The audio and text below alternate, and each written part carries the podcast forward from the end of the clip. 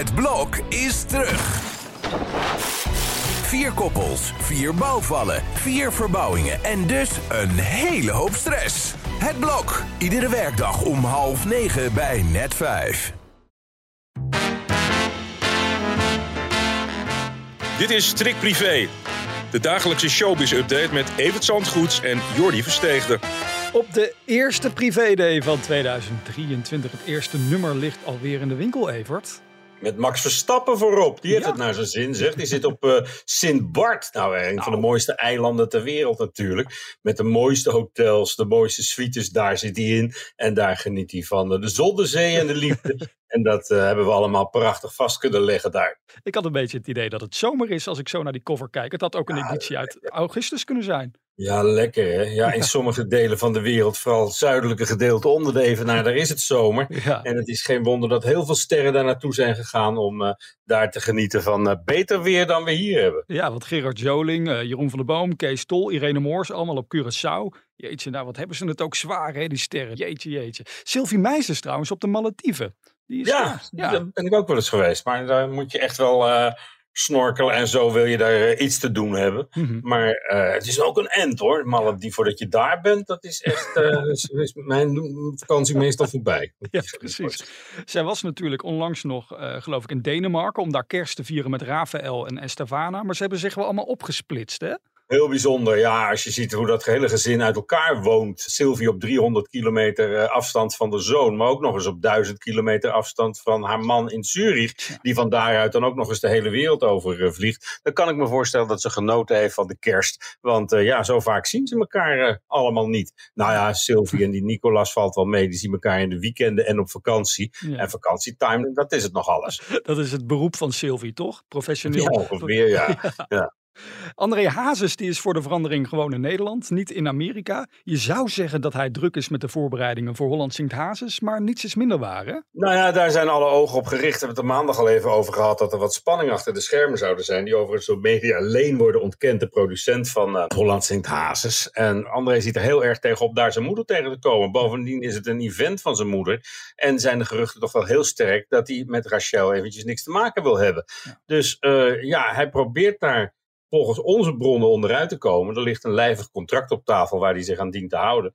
Maar eh, ja, media alleen gaat ervan uit dat hij gewoon op het podium staat. Terwijl er dus geruchten zijn dat hij die comeback nog eventjes wil uitstellen. Al is het maar om eh, in de gang niet eh, oog in oog met Rachel te komen staan. Maar jij, jij bent daar wel eens geweest, onlangs nog, hè? Bij Rob de Nijs, dat concert. Ja, achter de schermen, ja. je kan elkaar toch wel een beetje ontwijken daar, of niet? Zeker, maar het is Rachel die medeproducent is van dat event. Mhm. En eh, ja, ik geloof dat na Roxanne ook André daar liever onderuit zou willen. Ja. Of dat gaat lukken, dat is niet helemaal duidelijk op dit moment. De, de, de makers van de show, die gaan ervan uit dat hij er gewoon zal zijn. Ja. En dat hij daar dus zijn comeback na anderhalf jaar eh, gaat eh, maken. Ik dacht toch nog even terug naar de kern van het probleem. Want volgens mij is de kern van het probleem dat Rachel niet wil dat André weer met Monique is. Kun jij nog even uitleggen waarom dat zo'n probleem is tussen die twee? Waar- Waarom hebben die nou zo'n problemen met elkaar, Rachel Ja, dat zijn twee vrouwen die elkaar niet zo lagen. Bovendien eh, ging Rach- eh, Rachel altijd als de manager van Dre door het leven. En was dat meteen afgelopen toen Monique zich daar meldde. Ja. Die, die ging dat doen.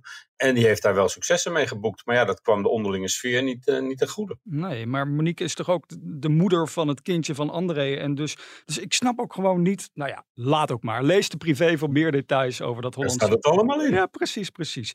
Zeg, Nick en Simon hebben geen ruzie. Dat moet onderhand maar eens duidelijk zijn, eh, vinden zij, eh, geloof ik, hè?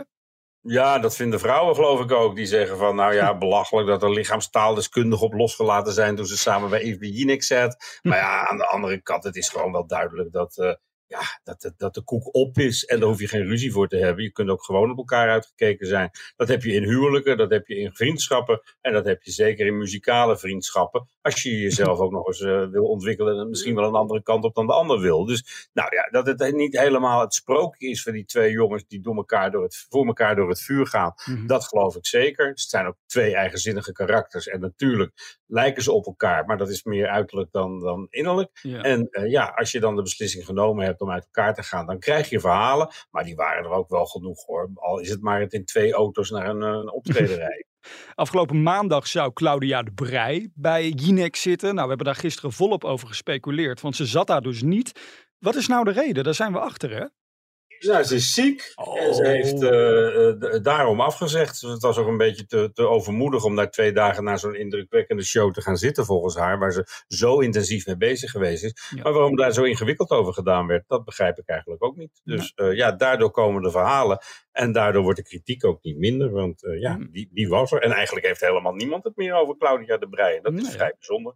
In de eerste week van het nieuwe jaar. Maar gaat ze er later deze week nog zitten, denk je? Of... Volgens mij ging ze op vakantie. Dus Oh. ik weet niet of ze ziek op vakantie gaat of dat ze dat even uitstelt. Maar ik denk eigenlijk niet dat ze daar nog ergens gaat zitten. Al is het maar om de vraag over Matthijs van Nieuwkerk. Die ze kan verwachten nadat ze het eh, onderwerp in de show zo afraffelde. Al is het maar om die te vermijden. Ja, precies. Nou, talkshow-hosts, ook Eva Jinek, ook boven even door die hebben altijd zijn oortje in tijdens de uitzending. Dat is Ja. duidelijk. De eindredacteur die fluistert daar iets in. Maar Rob Nou, bijvoorbeeld of het gesprek afgelopen is. Ja. Of dat, hij nog een minuut, dat het nog een minuut mag duren. Om niet elke show een half uur te laten uitlopen.